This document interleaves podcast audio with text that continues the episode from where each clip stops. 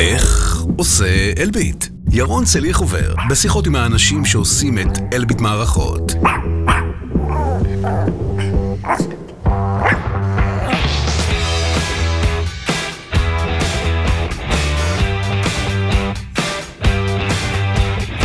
סיפור קטן. בסדר, לפני ארבע שנים בערך אני שידרתי אה, בתחנת אה, רדיו אינטרנטית שנקראת הרדיו החברתי הראשון, ואני זוכר שהיה לי איזה רעיון, למה שבאלביט לא יהיה לנו איזה פלטפורמה כזאת לתוכניות רדיו, פודקאסטים. עזרתי קצת אומץ ושלחתי מייל עם ההצעה הזאת למנהלת משאבי אנוש של, ה... של החברה. להפתעתי היא ענתה לי ואפילו ציוותה אליי את נועה מתקשורת פנים ארגוני. הרעיון היה קצת בוסרי ולא התרומם, כמו שלפעמים קורה לרעיונות. אבל בערך שנה אחרי זה, אה, נועה זכרה לי חסד נעורים, וכשהחליטו לעשות איזה פודקאסט באלביט ליום האישה, אז היא הזמינה אותי אה, לעשות ביחד איתה את הפודקאסט. והיא זכרה אותי גם עכשיו, כש... אה, כשאלביט החליטה לעשות את הפלטפורמה הזאת של הפודקאסטים של עובדים, אז אפשר להגיד שהחלום הזה מלפני ארבע שנים, עכשיו קצת מתגשם. קראתי לפודקאסט איך עושה אלביט, שזה יהיה שיחות עם האנשים שעושים את, את אלביט. ומכיוון שאותי מעניין אה, העיסוק, אה, איך אנשים משלבים בין העיסוק לבין התשוקה, הכישרון שלהם, אה, ותחנות שיובילו אותם לשם, אז השיחות יתמקדו מן הסתם בנושאים האלה. אז היום נפגוש את אייל רוזנטל, אייל הוא מנהל אסטרטגיית מוצר באלסק, הוא גם פריק של עיצוב והמצאות, ואנחנו נדבר קצת על החיבור בין העולמות האלה. איך עושה אלביט? אז אה, בוקר טוב אייל. בוקר טוב. מה שלומך? מעולה. מתרגש? כן, קצת. כיף להיות פה, אה, הרבה על הכתפיים עם אה, פרק ראשון. כן, אז זהו, אז קודם כל, הגעת אלינו מ... משדרות. אני גר ביישוב בשם גבעות בר, בדרום, ליד להבים. אני עובד בשדרות, באלסק. לא, אז אנחנו נמצאים פה באולפן בתל אביב, ופיריך היא המפיקה שלנו. אה, ואני, אמרנו שאתה נראה יותר תל אביבי מכולנו. כן, יש פה איזה כן. טאטו מגניב כזה, וטישרט, וכן. כן, די, תמשיך. תגיד לי רגע מילה על אלסק, רק בשביל שמי שלא מכיר את ה...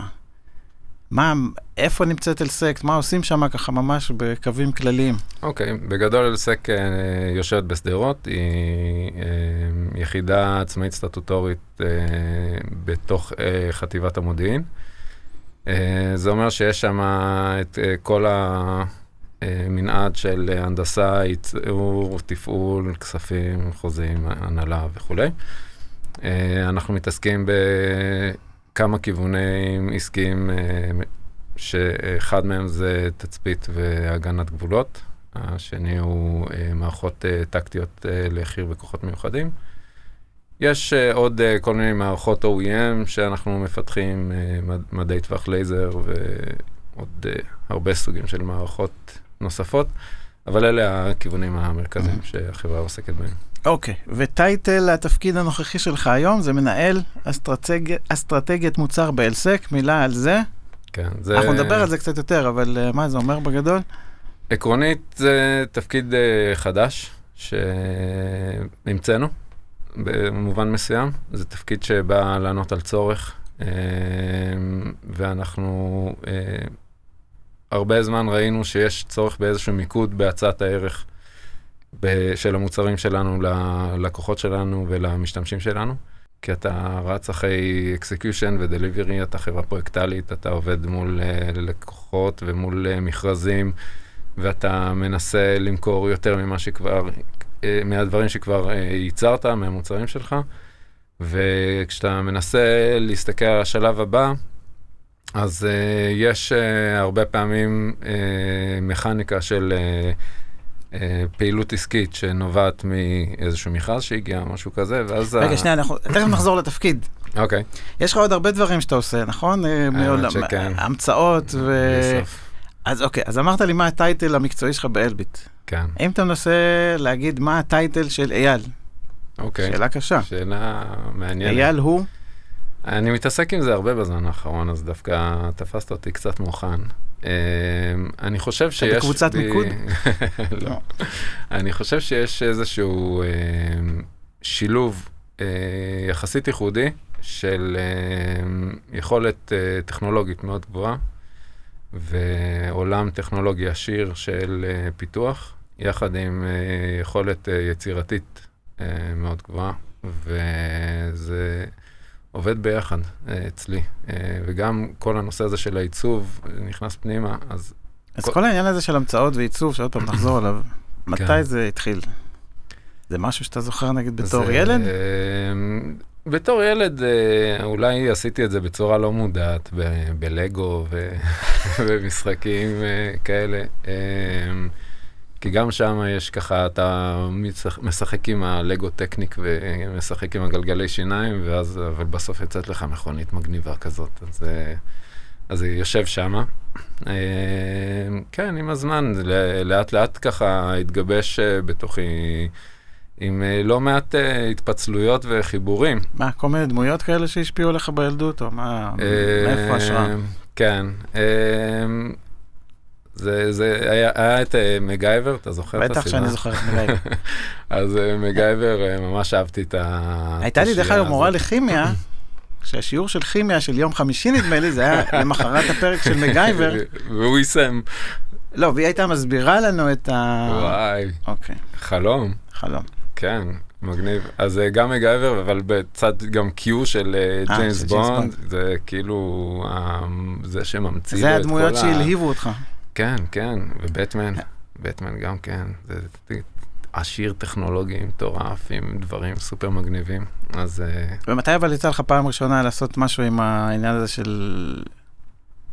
של להבין שאתה מתעסק בזה, או... אז uh, עקרונית זה, uh, אני חושב שלאורך השנים עשיתי כל מיני דברים, אבל זה היה כזה קצת מודחק, ורק באיזשהו שלב, uh, אחרי כמה שנים שלי בתוך אלביט, uh, הרגשתי ש... שזה מודחק, ו...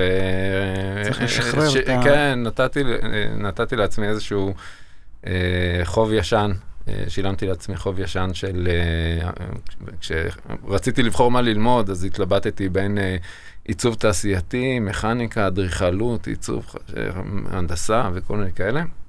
בסוף הלכתי לחלק הטכנולוגי, להנדסת חשמל ומחשבים, אבל אה, שמרתי לעצמי חוב ישן של אה, עולם העיצוב, ואז הלכתי והתחלתי ללמוד את זה. איזה אפיזודה בצבא, אמרת לי קודם, נכון? בצבא, בצבא עקרונית אה, נחשפתי דרך מישהו ששירת איתי לתחום הזה של עיצוב תעשייתי, והוא כל הזמן היה משרבט בתוך הסקצ'בוקים שלו כל מיני מכוניות ודברים מגניבים, וזה כאילו, זה הלהיב אותי שיש תחום כזה. מהצד השני, הייתי במגלן במחלקת האמל"ח, ויש שם איזשהו אה, עולם של אה, מוצרים אלקטרואופטיים אה, עולם מטורף, כאילו של דברים מאוד מעניינים, מצלמות טרמיות ולייזרים וכל מיני דברים כאלה, ואז אמרתי כאילו, גם שם זה פתאום נורא הלהיב אותי, שגם זה תחום מאוד מעניין ושאפשר כאילו ללמוד אותו אז, ולהתפתח אז בו. כאילו, בסדר, אז אתה אומר, אבל התחלת במסלול הסטנדרטי של מהנדס, ואז ולאט לאט התחלת החלטתי- לפזול לצ- לצדדים היצירתיים, החלטתי לתת לזה מקום בחיים שלי, כן. אז אה, במה זה התבטא? התחלתי בללמוד. אני כל הזמן לומד, אני כל הזמן סקרן. אז uh, התחלתי בללמוד, גם uh, סוף סוף הגיע האינטרנט שבאמת אפשר לשבת בו ו- נהדרת, בו, כן. כן. וגם uh, התחלתי ללכת לכל מיני סדנאות כאלה של uh, למידת uh, ערב של עיצוב של מוצרים וכל מיני דברים כאלה. ופשוט נתתי לעצמי את המרחב הזה. ושם אה, נפתחתי להמון דברים, הצבתי כל מיני מוצרים מגניבים, הצבתי נותן דוגמה. גופי תאורה. מה זה- מה זה הצבתי- גופי תאורה? מה?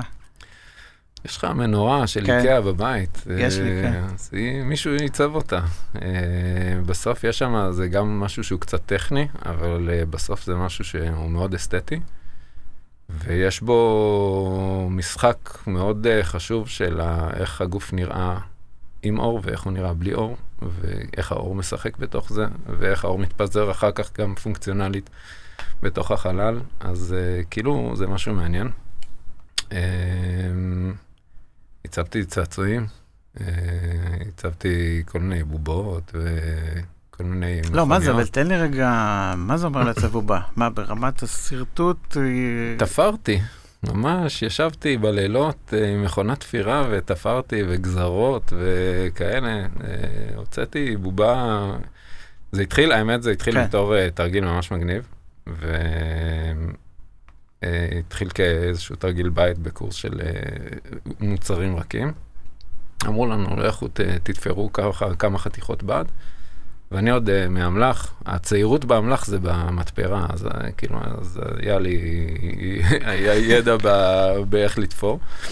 אז uh, תפרתי שמה, וככה יצא לי איזשהו מין, uh, משהו שאם תדמיין uh, סוג של נגיד תחתונים, בסדר? כן. ואז אמרתי, רגע, יהיה מעניין אם uh, אני אדחוף פנימה בלון ואני אנפח אותו, ת- ואז תחשוב שאתה מנפח בלון בתוך תחתונים, ואז כאילו מהאזור של הרגליים פתאום יוצא, יוצאים כאלה שתי בלוטות אהה. כאלה. ואז כאילו זה היה, זה הרגיש לי כמו פרצוף, וזה הרגיש לי כמו משהו ממש מעניין, והבאתי את זה לכיתה כמשהו שהוא באמת כמו ראש של אה, בובה, גם תפרתי לי איזה, איזה מין גוף אה, דרדלה כזה. והיה לזה אפקט מדהים, כאילו זה אפקט שכאילו כל מי שרואה, אה, אף אחד לא מבין מה זה, זה כאילו בהתחלה משהו מפונצ'ר, ואז אתה דוחף בלון, מנפח, ואז פתאום ישר נמרח לבן אדם חיוך על הפנים, וישר כאילו, בלי, בלי שהוא מסוגל לשלוט בזה, הוא, הוא שולח את היד כדי לגעת בזה, וכאילו זה.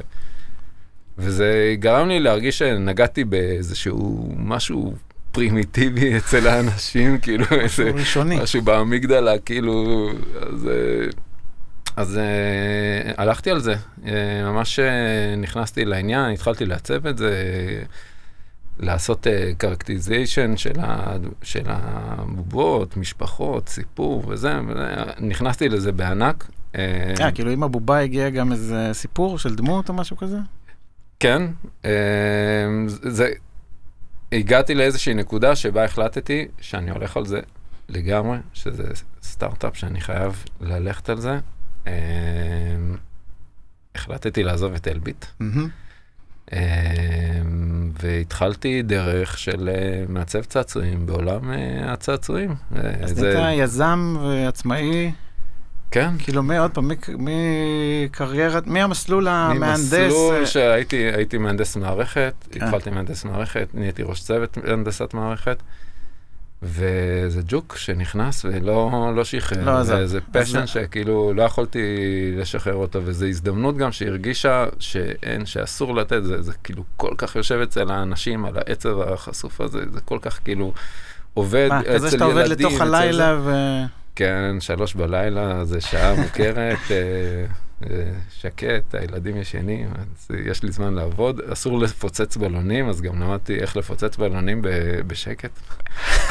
אבל אה, אה, כן, אז אה, אז זה לקחת ממש ל- הפסקה זה- ומה, נו, אז איך זה זה? הגיע לרמה של ממש לפתח מוצר, להבין כאילו מה צריך, מה המיצוב שלו, מה המיתוג שלו, ללכת, אה, ל- אה, זה הגיע לרמה ש...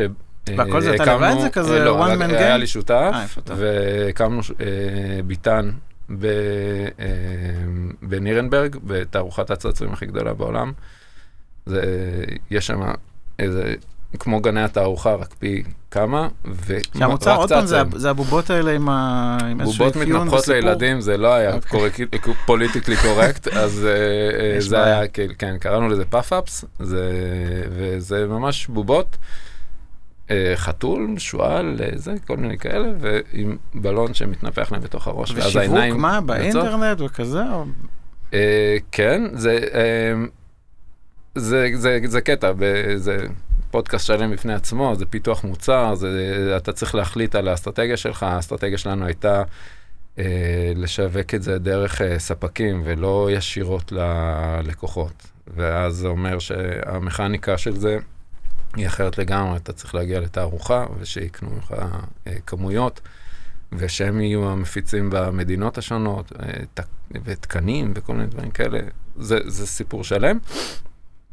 אה, זה היה בית ספר מדהים, זה היה תקופה מה מטורפת. למשל, מה- מה למדת משם? אה, כל. הנושא הזה של אה, פתאום להקים מוצר לבד, אה, באתי מאוד LBT.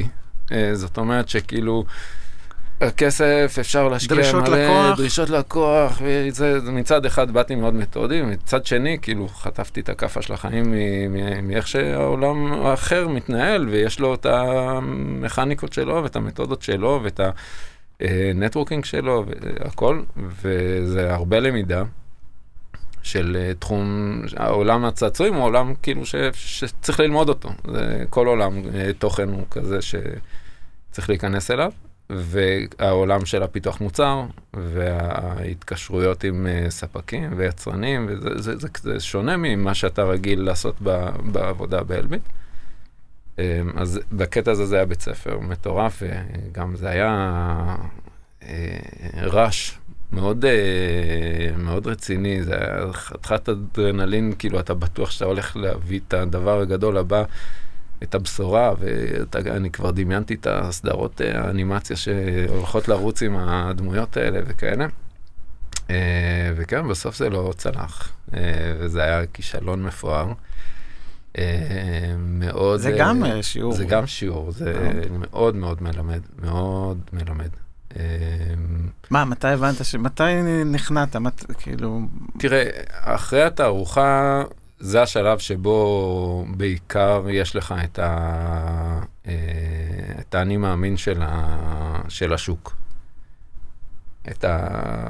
החבר'ה החליטו לשים עליך את הכסף או לא. בתערוכה הייתה, היינו ברמה של כאילו חברה ענקית בארצות הברית רצתה לקנות אותנו במקום, ואנחנו מה... מההיבריס שלנו, אמרנו, וואלה, אם הם רוצים לקנות אותנו במקום, כנראה שזה באמת טוב, אז אנחנו רגע ניקח את זה באיזי.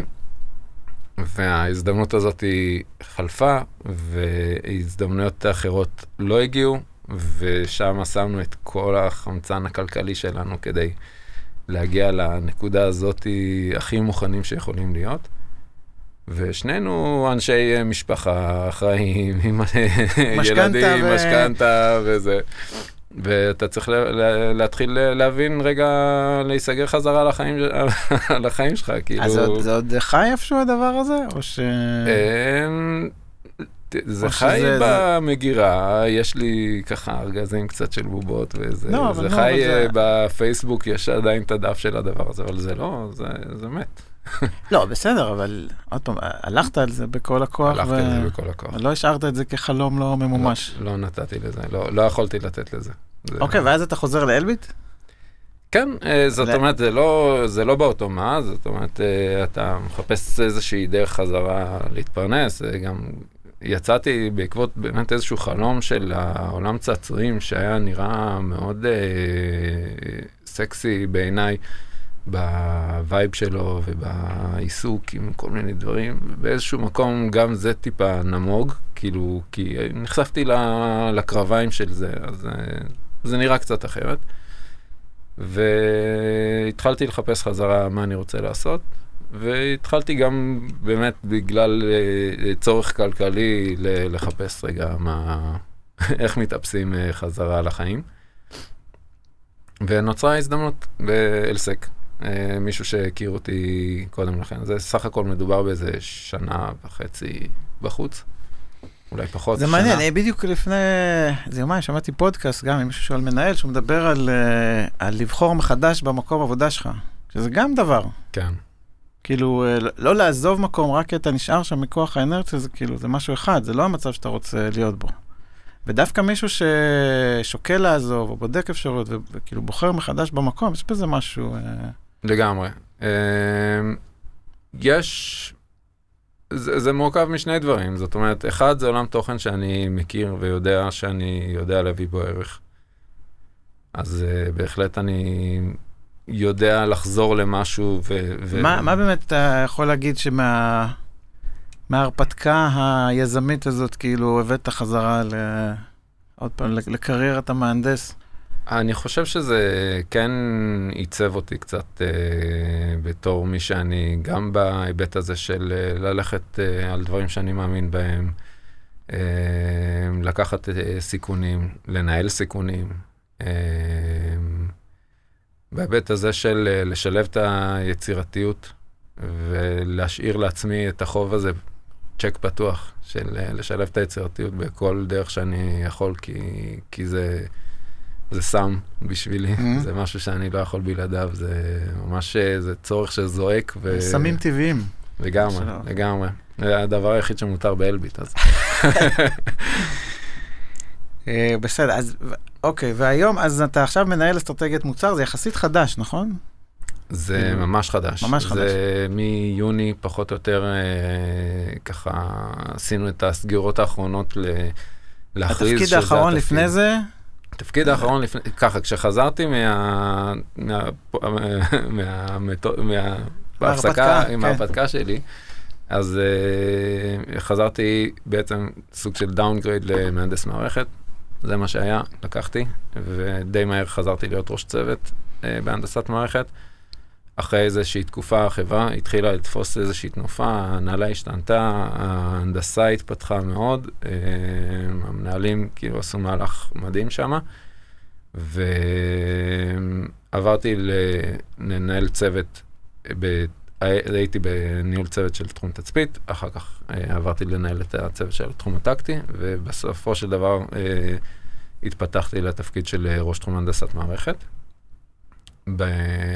לפני איזושהי תקופה הבנו שהתפקיד של הראש תחום הוא תפקיד מאוד מאוד עמוס. אה, הפעילות העסקית של החברה צמחה מטאורית בשנים האחרונות, והפעילות ההנדסית צמחה בהתאם, והחלטנו לפצל את התפקיד מי הזה. זה החלטנו? מי, איפה זה נולד הדבר הזה? ה- אה, סמנכ"ל ההנדסה ואני. זאת Mm. אומרת, אה, אלסק היא קצת בשונה מאלביט, היא במבנה קצת יותר אה, רזה של, אה, של אה, שרשרת ניהולית, אז הראשי תחומים מתחת לסמנכ"ל הנדסה. אז מה, אז, מה תמצית התפקיד? זאת אומרת, מה... כאילו, כאילו לתת? לך...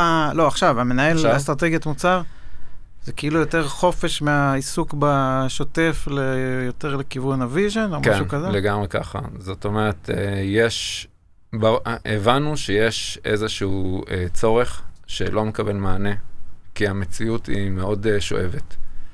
אה, צורך של... אה, ספר לי על זה, כן. כן, המציאות, אתה רץ אחרי הפרויקטים, אחרי ה execution, אחרי ה-delivery. גם בדרך כלל כשאתה מקבל עכשיו איזשהו מכרז, אתה מנסה להתאים לו מוצר קיים, אולי לעשות לו איזשהו... החדשנות היא אינקרימנטלית, אמ, והיא לא disruptive. וכשאתה רוצה ללכת לעשות חדשנות disruptive, אז אתה צריך ללכת ולקנות בעיות, כמו שאנחנו אומרים. ו...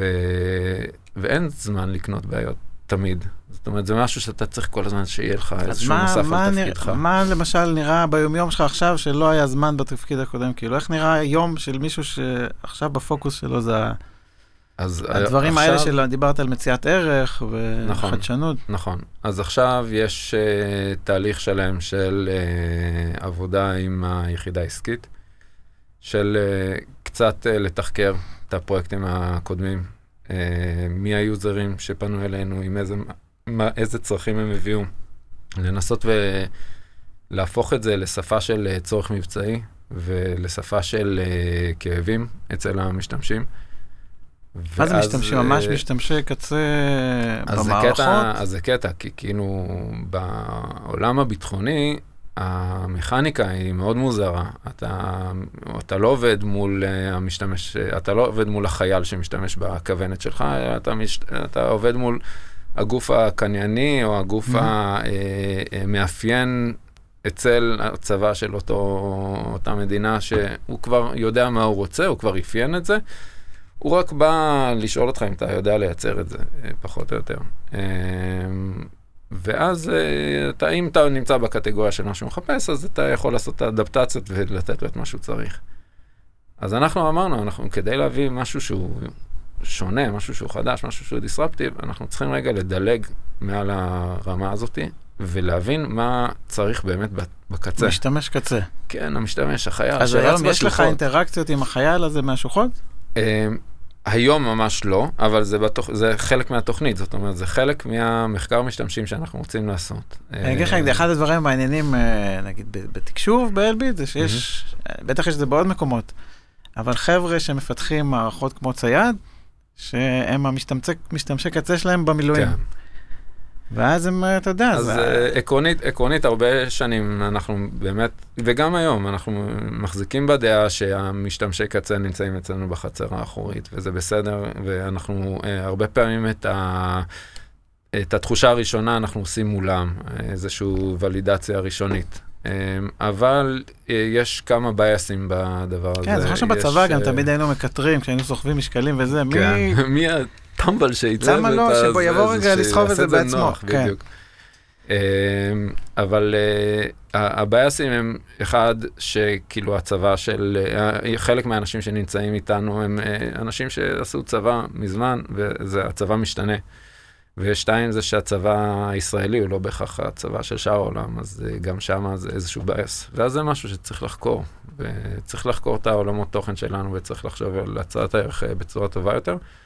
זה איזשהו מין אה, דבק שנמצא בין היחידה העסקית, השיווק וההנדסה, ככה שאפשר לייצר תהליכים מכוונים יותר, ממוקדים יותר.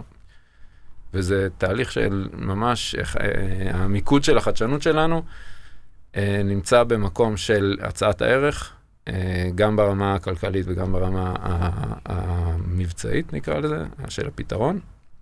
וגם הנושא הזה של uh, not invented here, להביא דברים מה, מהאזרחות, אנחנו קוראים לזה, uh, שמתפתחת הרבה יותר מהר הרבה פעמים מה, מה למשל? מהעולם הצבאי. תן דוגמה. Uh, אוגמנטציה לדוגמה. Uh,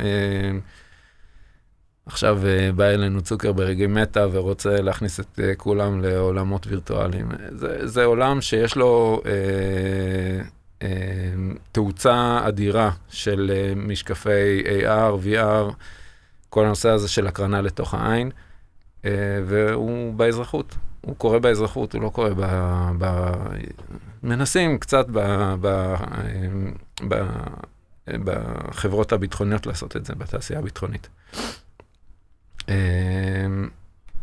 ואז אז, אז אתה כן. צריך להביא את הדברים מבחוץ. אז כ, כחלק אה, אינהרנטי מתפיסת החדשנות הזאת, פתחנו תפקידים לדברים האלה.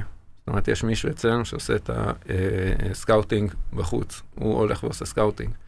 ויש אצלנו מישהו שעושה את הצעת הערך שזה אני, וכאילו, ואנחנו ממש מתעסקים בזה, וזה חלק מהתפקיד שלנו, וזה חלק מהמודדים אותנו על זה. בסדר, הרבה אתה מתעסק עכשיו גם עם חוויית משתמש, UX, מה שנקרא. כן, לגמרי, זה חלק אינרנטי. איך, איך נגיד, שזה היום אה, תחום מאוד אה, חם וכזה, אה, איך, לא למדת את זה באיזושהי כן. דרך? או... קודם כל, אז כשעוד שילמתי לעצמי חוב של, של עיצוב, אז, וגם כחלק מהחיבור הזה של העולם הטכני והטכנולוגי עם העולם הזה של העיצוב, ה-UX כאילו מאוד יושב שם על הנקודה הזאת, על הגבול הזה. וזה מה שהלכתי ולמדתי, יש, יש מלא קורסים, היום זה רק תזרוק אבן ותמצא קורס לדבר הזה, אז לא היה הרבה, היה בג'ון ברייס, היה את טל פלורנטין, הוא אחד הרוקסטרים של אה, עולם ה-UX, והוא העביר קורס ועשיתי אצלו, הייתי המחזור השני שלו. אה, ולמדתי את זה, וזה משהו שגם בוא נאמר, עוד קודם לכן התעסקתי עם זה בלי לגמרי להבין בזה. ניסיתי ללמוד את זה מכל מיני מקומות, אה, ואחר כך בטח ובטח שניסיתי להתעסק עם זה. אה, וככה, זה, זה גם משהו שמאפשר לי ל, לת, להיות בהצעת הערך. זה מאוד מאוד משולב, חוויית המשתמש והצעת הערך כמעט חופפות. אז, וחוץ מהמסכת אה, מזוקנים שלך, יש גם עוד איזה מיזם חינוכי כן. אז ספר לי קצת על זה. זה איזשהו מיזם שגם כן, דבר, מהסוג של הדברים שבוערים בך ואתה מתקשה להשתיק. Uh, הייתה לי איזושהי תקופה שהייתי מאוד מתוסכל מהבית ספר של הילדים שלי, מבית ספר יסודי, okay. אוקיי. פשוט רציתי, כל פעם תלשתי את השערות מאיך שהדבר הזה מתנהל ומאיך שהוא בעצם נראה אותו דבר כמו כשאנחנו היינו בבית ספר יסודי, ושדברים לא משתנים. וזה בהתחלה היה אצלי במקום מאוד של אה, כעס ומרמור וכעס על המערכת. באיזשהו שלב אשתי אומרת לי, מה, מה אתה רוצה? כאילו, אם אתה רוצה להגיד משהו, לך תגיד, ת, ת, תביא להם, הם לא יודעים לחשוב על הרעיון הזה לבד. ת, תחשוב על משהו זה. הרמתי את הרעיון, אמרתי, סבבה, ישבתי גם כן לילות, שלוש בלילה, חושב, שעה טובה אצלך, שלוש כן, בלילה. שעה מדהימה. כן. אה, התחלתי ככה כל מיני לחשוב אה, מערכתית באיזשהו מקום, מהמקום שאני נמצא בו, כאילו איך, אה, איך החינוך יכול להיראות ולאן בעצם רוצים לקחת את, ה, את הילדים ש... once הם מסיימים את מהמם. ה-12 שנות בייביסיטר האלה, כאילו מה, מה, מה יהיה, ב, מה יעלה בגורלם. ואמרתי שהבנתי שיש גם בזה עולם שלם של אה, למידה. אה, מאמרים ו- ולדבר עם כל מיני אנשים מ- מהחדשנות של, ה- של החינוך. אה, וממש פיתחתי איזשהו סגנון למידה שאמור לייצר אנשים שהם יותר לומדים עצמאיים ויותר סקרנים ויותר... מה זה, בפועל, על מה זה. מתבטא ב... אז זה מתבטא בשינוי מהותי של איך שנראית הלמידה בבית הספר. אה, אה, יש, אה, בעצם התלמיד מגיע ויש חקירה של נושאים מסוימים. תחשוב שאת, נגיד, אתה מקבל, שאתם רוצים ללמוד על נושא כלשהו, כל נושא הרי. אפשר ללמוד מאיזה אספקט שאתה רוצה. והרעיון היה לנסות ולייצר גם חשיפה של uh, הילדים להמון תחומים, וגם uh, לכל אחד uh, לנסות ולחוש את, ה, את החיבור שלו לעולמות כאלה ואחרים. אז אמרנו שכאילו כל תקופה, נגיד של שבועיים או שלושה, הכיתה מתכנסת, מקבלת איזשהו נושא ללמוד, סתם נזרוק נגיד צבע, מהמם. ואז אה, הכיתה מתחלקת לתחומי למידה, אז חלק ילמדו את הצבע מאזור המדעי שלו, חלק מהאזור האמנותי שלו, חלק מכל מיני אזורים, ואלה יהיו כאילו סוג מסוים של דיסציפלינות אה, שהן קבועות, וכל פעם שיש נושא חדש, הילדים הולכים לדיסציפלינה אחרת, ולומדים את הנושא דרך הדיסציפלינה, כשהלמידה היא אמורה להיות עצמאית ככל הניתן, לא למידה פרונטלית שהמורה זה, אלא יש ספרים, יש אינטרנט, יש אה, זה, והם צריכים להביא איזשהו תוצר לכיתה, ואז בסוף הסבב הזה אמורה להיות איזושהי למידה משולבת של כולם אה, על נושא הצבע, אבל מתוצרים, מדיסציפלינות שונות, ואז אתה יכול לראות איך עבדת, איך עבדת בקבוצה, איך התחברת לנושא, אולי ראית בדיסציפלינה אחרת מישהו שהציג משהו שהוא גם מעניין. וזה ל, ל, זה כבר, זה עובד באיזשהו מקום, או באיזה זה, שלב זה? זה משהו שהגשתי כהצעה למשרד החינוך. ל- יש אה, מה שנקרא מנהרת הרוח, זה איזושהי אה, חממה של אה, רעיונות. הגש, זה היה לפני שלוש, ארבע שנים בערך. הגשנו את זה. היינו 300 יזמים, ומתוכם רק 30 עלו, אני ביניהם. מהמם. אה, מי שזוכה, במרכאות, אה, מקבל אה, בית ספר לעבוד איתו. ועבדתי עם בית ספר באשקלון שנתיים, אה. אה, בניסיון אה, להקים את הדבר הזה. זה היה מאוד קשה. אה, גם זה היה קצת כישלון מפואר, או עלוב, לא. לא יודע, תרצ- תסתכל על זה מבחינת למה זה, מערכת אבל זה החינוך. רץ כאילו? זה רץ שנתיים? זה היה במשך שנתיים, ניסינו אה, ל, לה, להקים את הדבר הזה בתוך אה, בית ספר, בשתי שכבות, בשתי זוגות שכבות אה, של אה, ג' ד' וה' ו', וזה היה מאוד קשה. זה, המערכת אה, מובנית מדי. וה... אז מה, התייאשת ממערכת החינוך? אה, שזה לא הכל אבוד? יש אופטימיות בסיפור הזה? יש המון עשייה של אה, חדשנות חינוכית, ו... אבל uh, אני חושב שיש המון קשיים, גם כן, כשאתה נכנס לעולם וחופר uh, פנימה, אז אתה מבין את המכניזמים שמזיזים אותו, ואז אתה רואה שלפעמים מה שעושים היום חדשנות בחינוך, יושב בנקודה שלא שם הבעיה.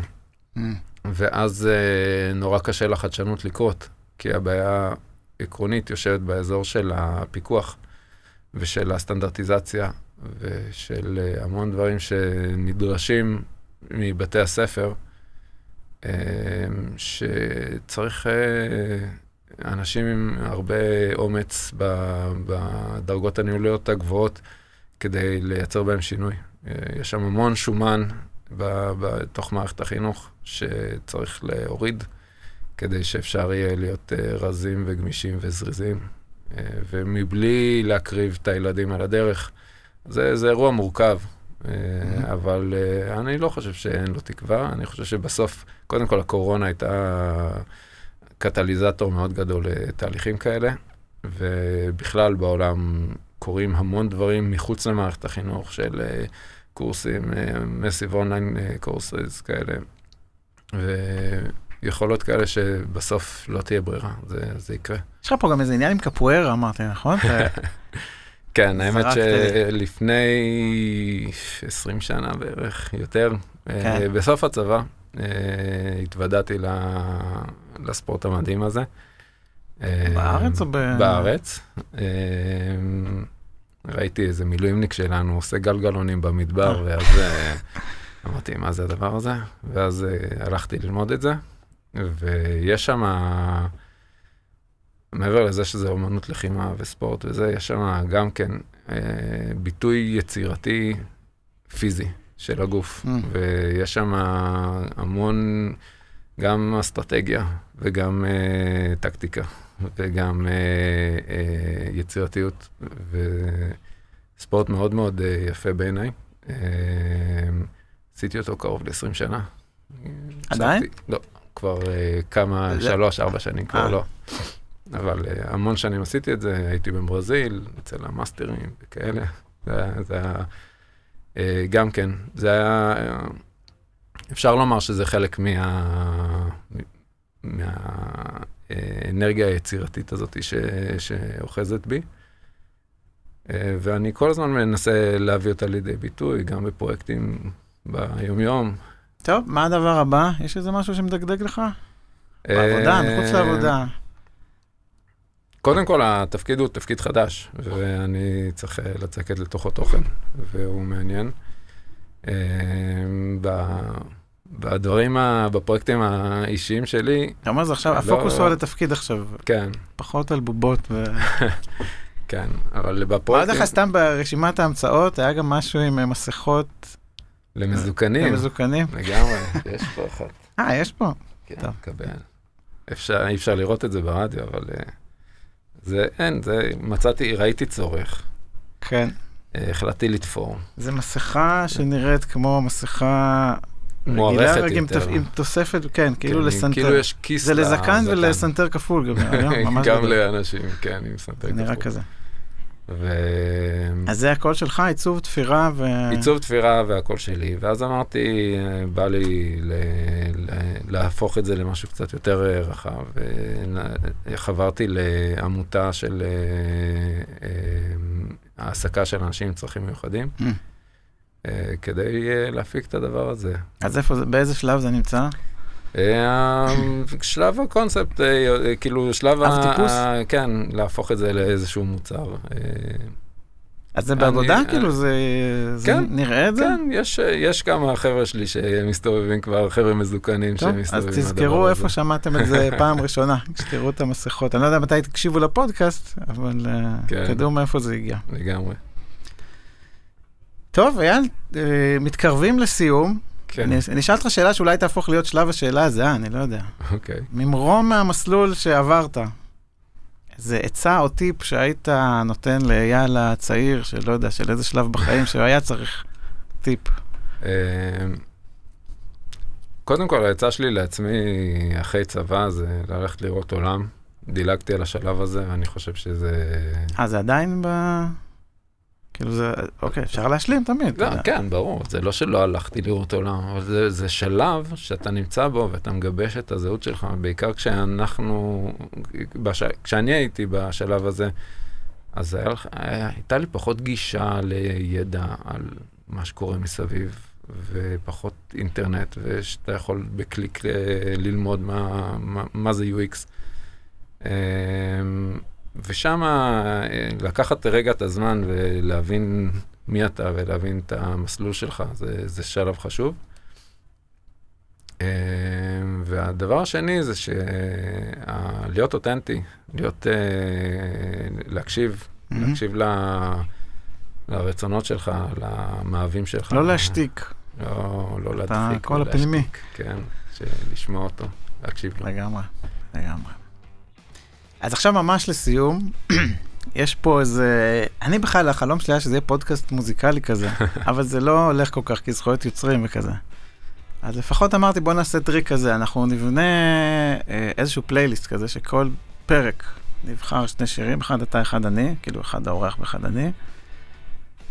אז, אה, אז אני מזמין אותך לבחור את השיר הראשון לפלייליסט הזה, יאללה. שיר שאתה יודע, יכול להיות אה, סתם שיר שאתה אוהב, או משמעותי, או שאולי לא יודע מה מתאים גם למשהו שקרה פה בשיחה הזאת. בקיצור, אה, בחירה חופשית אז שלך. אה, שאלה קשה.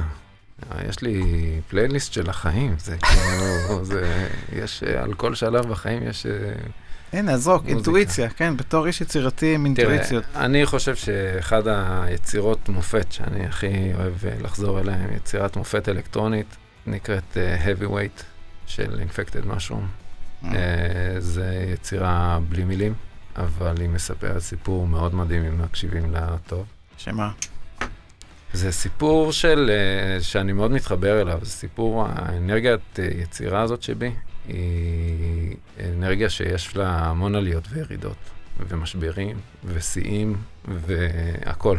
אה, זה סוער, וזה לא תמיד יציב. ואני חושב ששם יש את הדבר הזה, זאת אומרת, יש שם גם עליות מטורפות, וגם ירידות, וגם רגיעה, וגם אקשן, וזה שם, אני מחובר לזה. יפה. אז אני, השיר שלי, אני, אני גם, אין לי איזה הסבר הגיוני, אבל באינטואיציה עלה לי, יש איזה שיר של אה, ג'ף לין, שנקרא When I was a boy, שזה כזה על, אה, על איך החלום של המוזיקה, שבער בו כבר משהוא ילד, ושהוא מביא אותו לתוך החיים וואלה. הבוגרים. לא יודע אם אתה מכיר, אבל אה, הייתי שם אותו עכשיו כזה, שילווה. את, את סוף התוכנית, אבל אה, בסדר, זה יהיה בפלייליסט. נשים גם קישור, נכון פרחי? פרחי אישרה. טוב, אייל, תודה רבה, אני ממש שמח שהיית. האורח הראשון של הפודקאסט אה, שלנו. ושיהיו עוד הרבה כאלה. אה, תודה רבה, ונתראה כנראה בפרק הבא. ביי.